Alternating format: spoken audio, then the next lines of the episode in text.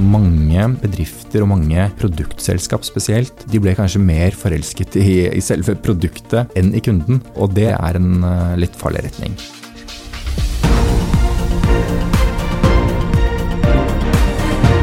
Dette er All In med Oslo Business Forum. Dagens gjest er leder i salg og forretningsutvikling i Miles Oslo. Morselskapet Miles har snart 200 av det de beskriver som varme og faglig dyktige mennesker som brenner for IT-faget, lokalisert i Bergen, Oslo, Stavanger, Trondheim og Vilnius. På websiden sin skriver de at de sammen bygger fyrtårn. Vi er nysgjerrige på folk som bygger fyrtårn, og har invitert Jørgen Bårdsen for å snakke om hvordan de jobber med innovasjonsprosesser generelt, og med rammeverket til Alexander Osterwalder spesielt. Jeg har utfordret Jørgen til å dele med oss hva som fungerer, og gjerne hva som er vanskelig å få til når en metode skal implementeres i praksis. Der vi alle mer eller mindre frivillig blir dag for dag tvangsdigitalisert av nye, påstått brukervennlige forretningskonsepter. Men bevares. Dette skal ikke Jørgen stå til ansvar for. At programlederen noen ganger synes at nytt brukergrensesnitt fra tid til annen oppleves vanskelig. For vi skal ha en spennende samtale om det jeg håper kan gi oss innsikt i én. For mange har hørt om, og kanskje har hatt erfaring med canvasene til Alexander Osterwalder. Hva er Jørgen og Miles anbefaling til hvordan bruke verktøyene i praksis? To. Er det noen åpenbare fallgruver i bruken av innovasjonsmetoder à la Osterwalder? Eller finnes det en one size fits all? Og tre, datakvalitet, Jørgen. Finnes det en oppskrift på hvordan sikre kvalitet i datagrunnlaget for beslutninger rundt innovasjon? Og det er neppe så mange bedre kvalifisert til å besvare dette enn nettopp den tidligere analysesjefen med lang erfaring med å tolke og validere nettopp data. Velkommen til podkasten All In med Oslo Business Forum, en podkast for ledere som er lidenskapelig opptatt av ledelse, innovasjon og strategi.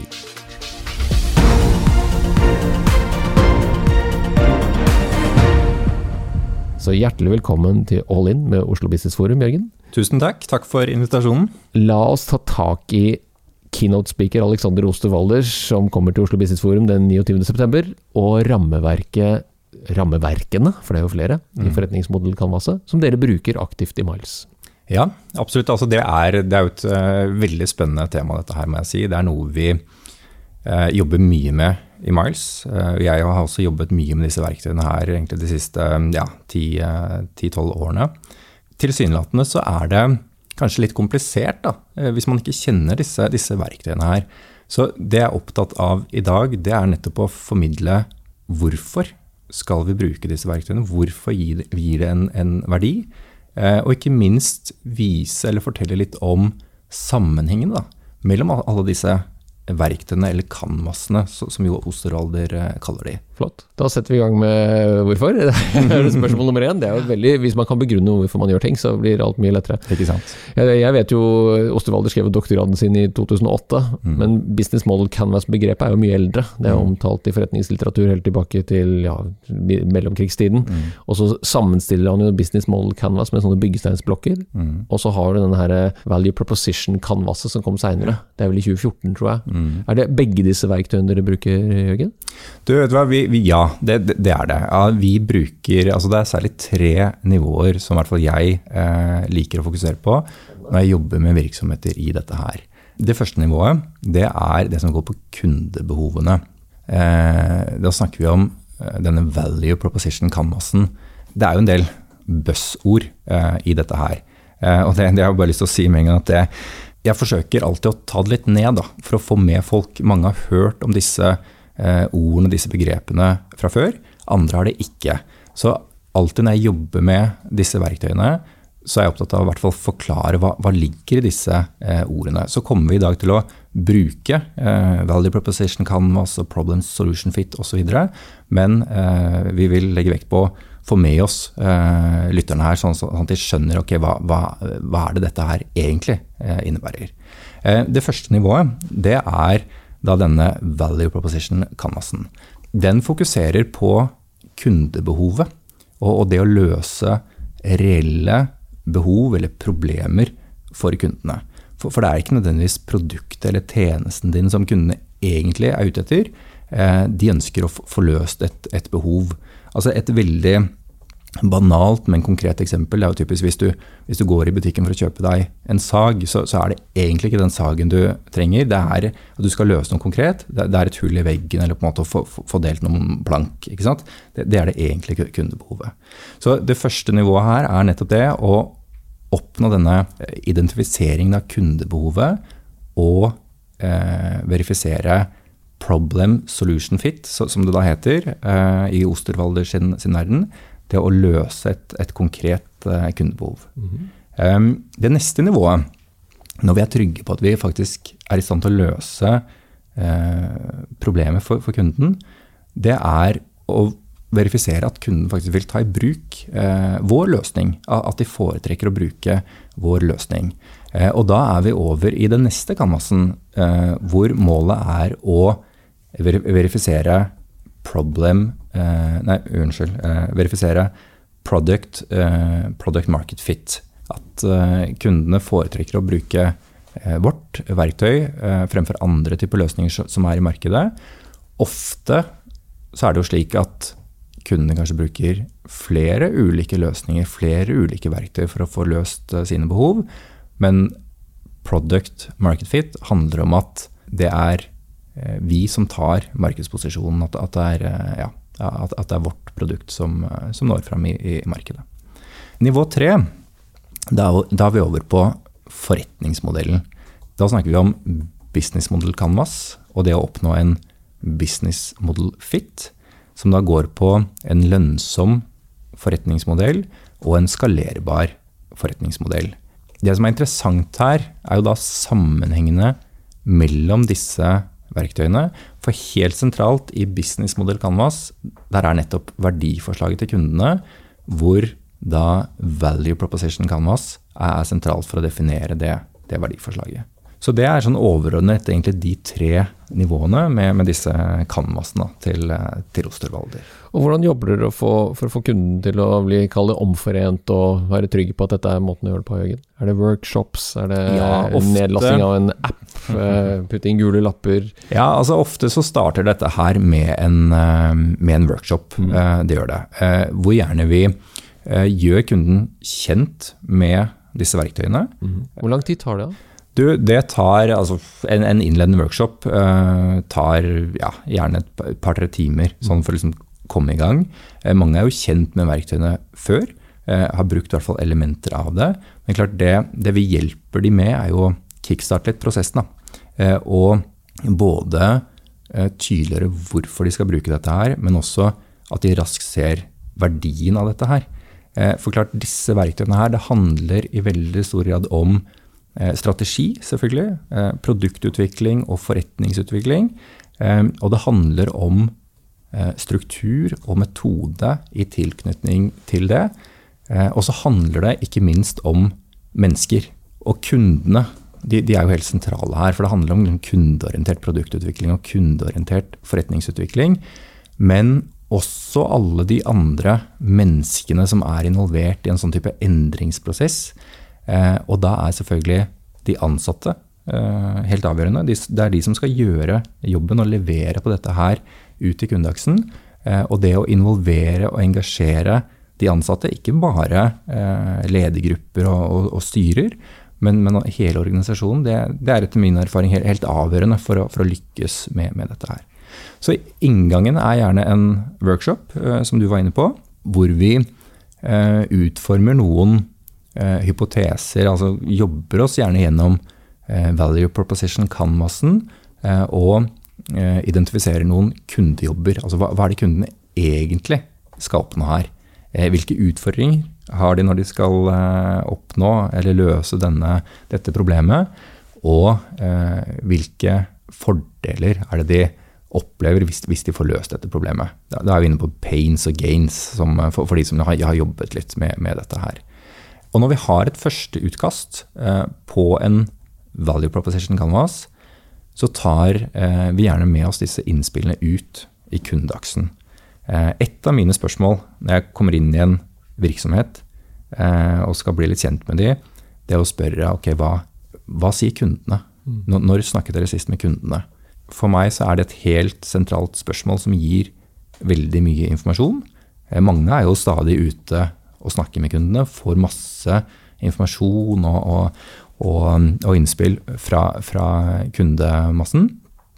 Andre er faktisk litt mer skeptiske til å ta den kundedialogen. Hva kommer det av? Ja, det, det, er veldig interessant, og det er, um, det er jo egentlig ganske bekymringsverdig, syns jeg. Men det, det, handler om utrygghet. altså Man er rett og slett usikker på hva kundene eh, mener om produktet. Mm.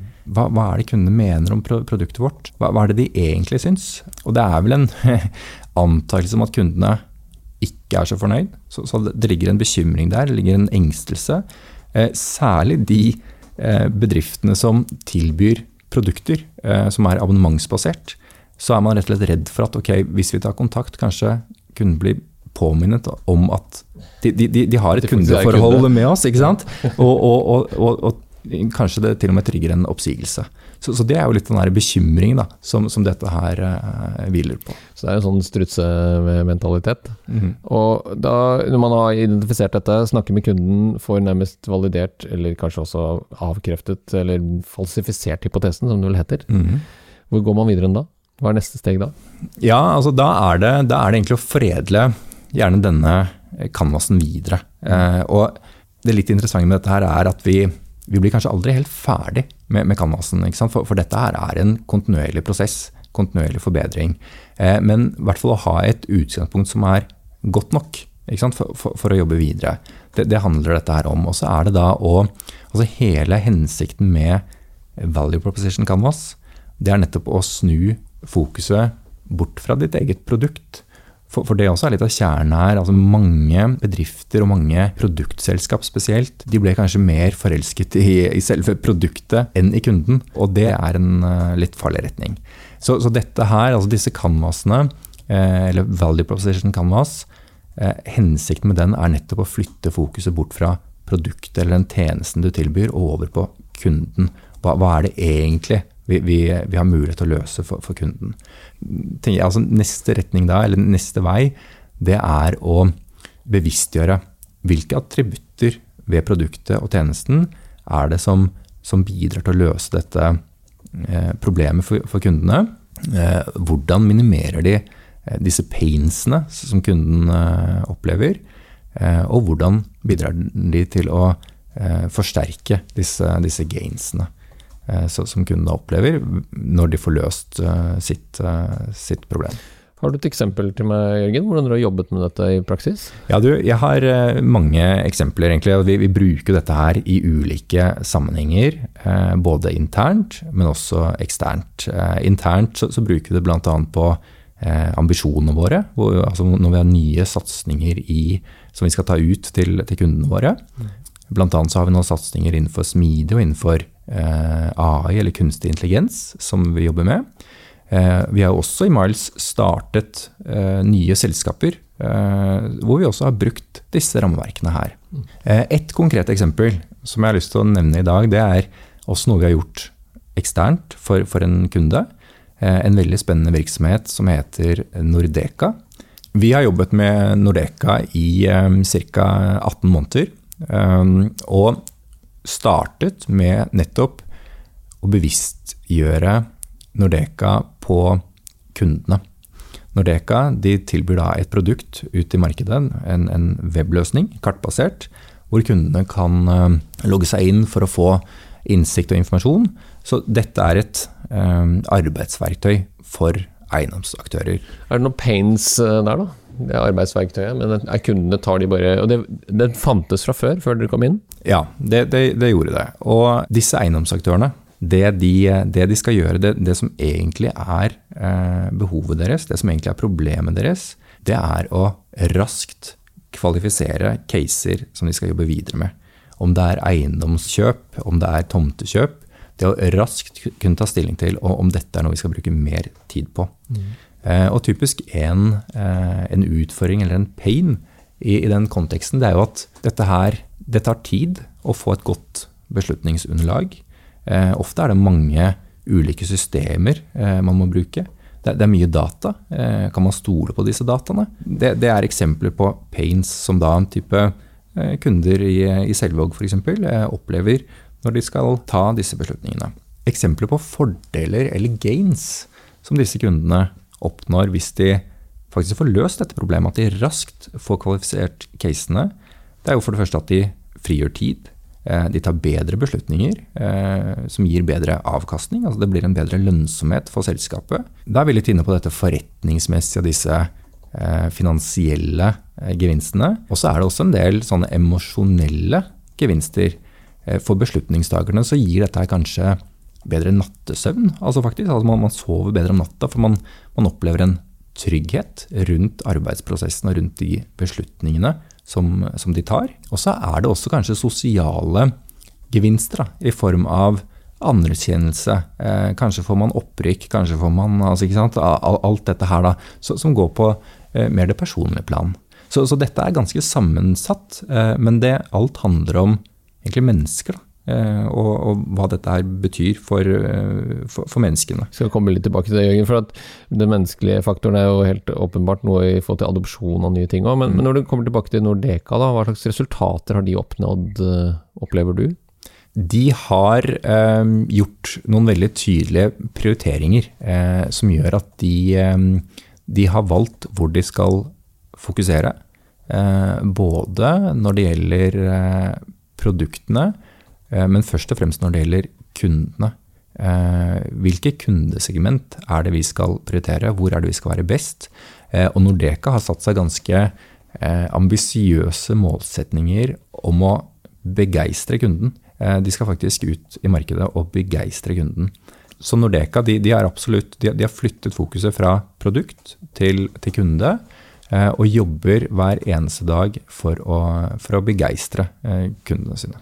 Så outputen av eh, Canvas-jobbingen og prosessen med dere har vært at de har flyttet fokus fra produkttjeneste til å begeistre kunden. Mm. Ja. En annen som ville vært veldig glad for dette, Jørgen, er jo Erik Riis. Altså Lean Startup Canvas. Mm. Altså tanken om å, å, bruke innsikt fra markedet, segmentere det, være tydelig ut igjen og validere. Og Her er det spennende å spørre deg, for at du har jo jobbet mye med data og datafangst i mange mange år, mm. som analysesjef. Og jeg har sjekket CV-en din, så du har jobbet i spennende selskaper som Riksrevisjon og Netcom og Cicero i mange år, som analysesjef hos Cicero. Mm. Så jeg vil jo tro at du tenker også litt sånn datafangsten, datavalideringen, litt grundigere, vil jeg tro. I hvert fall jeg gjør. Mm. Er det vanskeligere nå for selskaper som Nordeka og andre å få tak i den dataen som gjør at det er lettere å ta de segmentanalysene nå enn det var før? Uh, nei, jeg tror nok tvert imot. Altså, data er absolutt tilgjengelig. Mm. Uh, og det er nok ikke mangel på data som er problemet. Det er heller hvordan hvordan man bruker disse dataene. Mm. Og jeg som du sier, altså jeg er jo en analysemann og er veldig glad i faktabasert eh, innsikt og ta beslutninger basert på fakta. Samtidig så svarer ikke fakta på, på alt. Altså man, man, finner liksom ikke alle svarene i, i, fakta. Og i hvert fall når man tenker inn i disse kundebehovene og det å forstå eh, hvordan kundene tenker. Data sier jo en del om hvordan eh, kundene bruker eh, produktet, bruker løsningen. Men det sier lite om hva de ikke gjør. Og der tenker jeg det, det å være ute og snakke med kunder, gjennomføre kundeintervjuer, kanskje da ha med seg noen hypoteser på bakgrunn av eh, disse dataene som man validerer i kundeintervjuene, og i tillegg til å snakke med kundene også observerer hva, hva er det de gjør, eh, hva er det de ikke gjør. Eh, hvorfor gjør de ikke det? Ikke hva, her er det jo et problem som de strengt tatt kunne løst i vår løsning. Hvorfor gjør de ikke det? Og Der tenker jeg den, den sammenhengen mellom data og kundeintervju og, og dialog og observasjon, der, der, ligger det mye verdi. Det er jo som du tidligere sa også, vanskelig dette for kanskje begge parter. For hvis man kom fra, jeg vil tenke meg som konsulent, og spør om eh, oppfatter du som kunde denne løsningen som god, mm. så håper du jo at de sier ja. Og hvis de sier nei, så må du jo følge godt med på For du kan jo ikke, bli, du må ikke finne på å bli fornærma heller, for det kan du fort bli. For det kan jo bli emosjonelt. Hvis du har jobba med dette i fem år eller ti år eller 15 år og opplever at denne løsningen er den beste som vi kan lage, mm.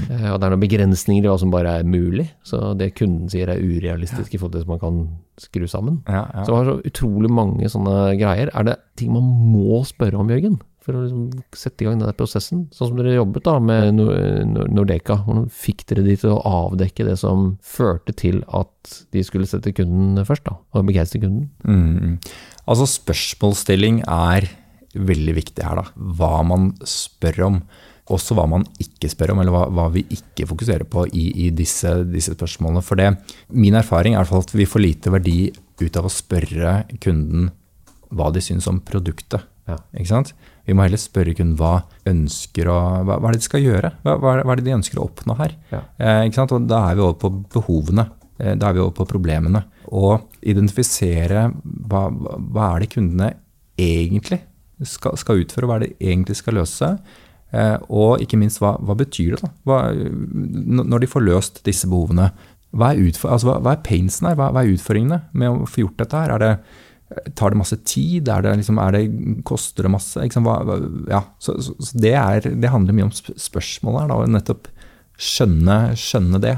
Men Finnes det en god bok eller dreiebok eller oppskrift for hvordan man avdekker kundens behov? Jeg har undervist disse tingene, jeg har ikke funnet den boken. Har dere en bok om hvordan stiller man ti spørsmål til kunden, eller tre spørsmål til kunden? Du, Om det finnes en bok, det, det, det, det gjør, gjør, det, helt sikkert. Men det er, er jo et eget fag. Det, å faktisk uh, gjøre den type Eh, brukertester og, og kundeintervju, det, det, er, det, er, jo et eget fag. Eh, jeg har jobbet en del med det selv og, og lært det egentlig mye eh, gjennom eh, dyktige kolleger. Mm. Og, det er jo en egen, ja, det, er jo egne folk, egne eksperter, som, som driver med dette her også. Eh, vi, vi, har noen av de i, i Miles. Så, så langt kom jeg med den. Men jeg, jeg, tror nok du har helt rett. Du setter oss på sporet av det som, som alle vet. Det er jo, Man skjønner at vi må snakke mer med kunden. Mm. Vi vegrer oss for å snakke med kunden. Og så tror jeg nok mange vil få en aha-opplevelse dersom man tok seg den tiden det tar da, til å investere i den der ekstra runden. At nei, jeg vil egentlig vite hvordan du vil bruke tjenesten jeg leverer. For det er, det, det er jo det du sier. Mm. Bakenfor den der frykten for at eh, du ikke lenger vil, eller at kunden vil avslutte kundeforholdet. Mm. Har du noen tanker om hvorfor det blir sånn? Altså, er det vi konfliktsky, Jørgen? Selv med all den kunnskapen og innsikten vi har, og all konkurransen som finnes rundt der, og mm. vil vi liksom ikke stille det spørsmålet? Ja, det, det, det, kan, det kan være, men det er Jeg tror alternativet til å ikke stille det spørsmålet, det det, det, er vi litt inne på en sånn dødens spiral. Da. For da, da, er det, da, er det, et spørsmål om tid før, før de kundene faktisk eh, forsvinner ut. Og det, det, ser man jo i mange bransjer nå, også innenfor denne GIS-bransjen hvor Nordeka jobber, at konkurransen er tiltakende. Mm. Det, er, nye aktører, det er, en, det er en, eh, globalisering, det er stadig internasjonale aktører som, som, eh, beveger seg mot Norden og, og mot Norge. Så jeg tror at det, hvis man ikke tør det, så det, det er rett og slett noe man må eh, gjøre. Og så vet jeg at dere jobber jo en del, slik jeg har tolket det fra utsiden, da, med Fyrtårn-byggingen i Miles, litt på samme måten med folkene deres også. Mm. Eh, dere har i hvert fall ry på dere av å være en av de som kjører flest runder, vet jeg, av kontakter man oppgir hvis man søker jobb hos Miles. Mm. Og er veldig opptatt av folkene. Mm. At folkene skal prestere og bygge den kulturen ja. på individnivå. Høres jo veldig ressurskrevende ut. Ja, absolutt. absolutt. Og en av de viktigste prosessene i Miles, det er nettopp rekrutteringsprosessen vår. Eh, Miles er et verdibasert selskap. Eh, vi har to verdier som er varme og faglig autoritet. Alle konsulentene som jobber i Miles, scorer veldig høyt på begge de to verdiene. Eh, og det er det vi jobber for i rekrutteringsprosessen, å nettopp bli kjent med konsulentene våre og, eller de, de, kandidatene våre, og, og, sikre at de faktisk eh, ikke scorer høyt på bare én av disse verdiene, men faktisk at de, de er i stand på, til, til, å levere på, på begge to. Og, så er jo dette her et eh, det er en matching, ikke sant. Eh, en rekrutteringsprosess. Så for oss er det også veldig viktig at kandidaten blir kjent med oss. Det er ikke bare vi som skal bli kjent med kandidaten, men kandidaten skal også være trygg på at ok, Miles, det er faktisk Miles jeg har lyst til å jobbe i. Miles er et uh, godt valg uh, for meg. Og Så læres de opp i bl.a. Ostervaldes forretningsmodell Canvas, og så har de med seg disse verdiene i prosessen med kunden, vil jeg tro. Så kanskje indirekte også lærer opp kunden til å bli litt mer bevisst mm. sin egen kultur, hva vet jeg. Ja, absolutt. Og det er um, grunnen til at vi har varme som verdi. Det, det, er jo flere årsaker til det, men, men det vi opplever er i alt av type endringsprosesser som vi jo jobber mye med, så handler det om å få med seg folk. Så det å være varme konsulenter som har en personlighet som ja, både at vi engasjerer oss, at vi bryr oss, og får med oss folk, eh, det er ekstremt viktig for at vi skal lykkes med disse endringsprosessene, og at kundene våre faktisk skal, skal lykkes med, med disse, disse, endringsprosessene. Og det interessante her er at da er vi faktisk over på et fjerde nivå i, i, i denne Canvas-verden, uten å komplisere det altfor mye. For én ting er det strategiske og det å legge fundamentet her på produktutvikling og på forretningsutvikling. Eh, at vi har et produkt som eh, er i stand til å oppnå en, eh, en markedsposisjon ved å svare på kundebehovene. Og også at forretningsmodellen er lønnsom og skalerbar. Så er ikke det godt nok. For det fjerde nivået det er jo nettopp å operasjonalisere dette her gjennom en eh, virksomhetsmodell, eller virksomhetsstyringen. Og da er vi inne på eh, ganske mange temaer, eh, helt fra eh, organiseringen, altså hvordan organiserer vi oss? Eh, hvordan er den finansielle styringen? Hva slags belønningssystem har vi? Hva slags kultur har vi? Og arbeidsprosesser, alt dette her. Selv bruker jeg ofte verktøyet til Malmia Brown i, når jeg jobber systematisk med dette her. Osterwalder har også kanvaser og verktøy som eh, håndterer i hvert fall noe av dette her. Osterwalder har bl.a. en Team Canvas som eh, går på dette her med teamsamspill, eh, roller, ansvar, kommunikasjon, som er relevant inn i den settingen der.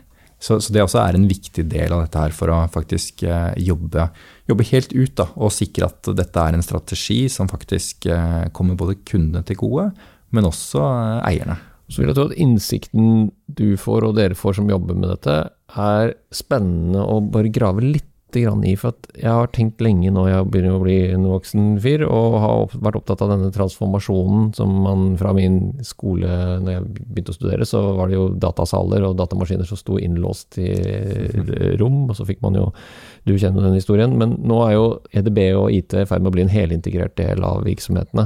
Mm. Men Jørgen, det er jo fortsatt programmer de er riktignok i skyen, mm. altså de er tilgjengelige, men det er noe vi må fysisk for ofte gjøre. Vi må logge oss på, eller vi må ville gå inn i et eller annet verktøy som noen har laga. Mm. Når kommer vi til det tidspunktet hvor det der flyter i hverandre, da? Ikke det lenger er mulig å skille mellom IT og, og jobb?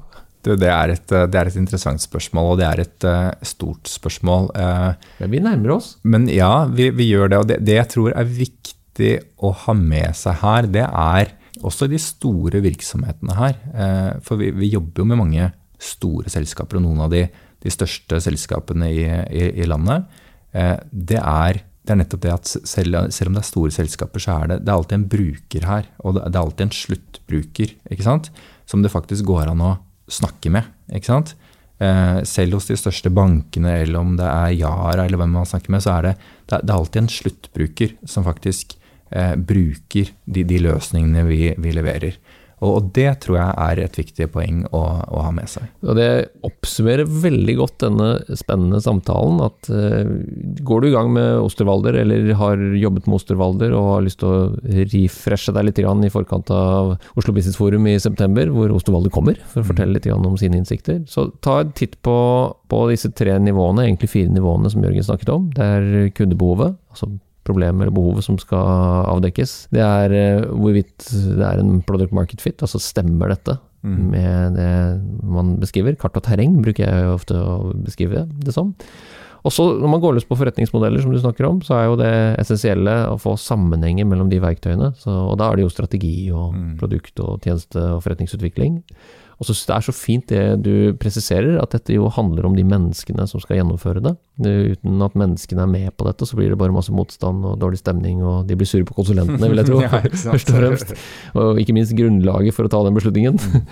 og så tror jeg der, det dere gjør med å, å, være veldig tydelig på at dette er ett av flere verktøy, det tror jeg er veldig smart. Mm. For den, det siste du snakker om her, som alle vet, men nok ofte hopper litt over, det er den sluttbrukeren. Hun eller han. Som har sine preferanser og sin motstand antageligvis også. Og har sine behov og grunn til at du abonnerer eller ønsker å kjøpe tjenesten. Noen siste anbefalinger eller ting du sier er sånn, kall det en must win battle, eller noe du må fortelle om til de som hører på og har hørt på oss nå? Ja, det, det er faktisk eh, to ting. Altså, det ene er jo hvordan komme i gang med dette her. Da. Eh, for det er eh, Jeg selv brukte lang tid, altså jeg brukte flere år på å liksom virkelig få dette her under huden. Eh, jeg har jobbet mye med dette her, eh, og nå, nå er jeg så trygg på det at jeg kan improvisere da, og på en måte bruke de verktøyene litt der, der jeg ser at det har en verdi. For det er også viktig i den settingen er at man, man trenger ikke å jobbe seg slavisk gjennom alle nivåene og alle dimensjonene. Fordelen med disse verktøyene er at man sikrer en struktur, en helhet. Man sikrer at man ikke, ikke glemmer viktige elementer. Eh, men når man har identifisert områder og tenker at ok, her, her har vi god kontroll, så, så gå, gå, videre. Gå videre til neste område, og bruk tid eh, der du er mest usikker. Eh, men bruk alltid tid på å forstå kundebehovet. Det, det er kanskje det viktigste. Og så er det mitt andre poeng som jeg også tenker er viktig i den konteksten her. Det er jo kompleksiteten, og særlig hos store virksomheter, så er min anbefaling å forenkle og bryte ned Særlig på de to første nivåene her, med produkt- eller kundebehovet da, og, og, og, markedspotensialet, the market product fit. Avgrens og bryt ned, tenk kundesegment, og så kan man heller aggregere det opp igjen i en business model canvas. Og det er faktisk en veldig nyttig øvelse, for da ser man også i denne canvasen, altså business model canvasen, når man aggregerer det opp igjen, eh, hva er egentlig kjernevirksomheten vår? Eh, og hva i denne helheten her er det som strengt tatt ikke passer helt inn? Kanskje er det noen produktområder eller noen kundesegment man, man skal enten prioritere ned eller rett og slett skille ut. ikke sant? Eh, kanskje er det noe som bør, selges ut, ut, av virksomheten. Så, så det, det, er så mange aspekt her. Dette her kunne vi snakket om uh, lenge, uh, men det, det, er veldig mange aspekt her. Uh, men min oppfordring er å først og fremst komme i gang og fokusere på kunden. Da er det bare en klar oppfordring fra Jørgen og meg. Har du ikke gjort dette med, med Canvas-arbeidet før, sett i gang, og det er hjelp å finne hvis du trenger hjelp. Takk for samtalen, og lykke til videre, Jørgen. Tusen takk. Hvis du likte denne podkasten, hadde vi satt utrolig stor pris på om du abonnerte og gir oss en tilbakemelding i avspilleren. Spre gjerne ordet videre til andre ledere som er lidenskapelig opptatt av ledelse, strategi og innovasjon. Mitt navn er Tor Haugnes. Sammen er vi all in med Oslo Business Forum.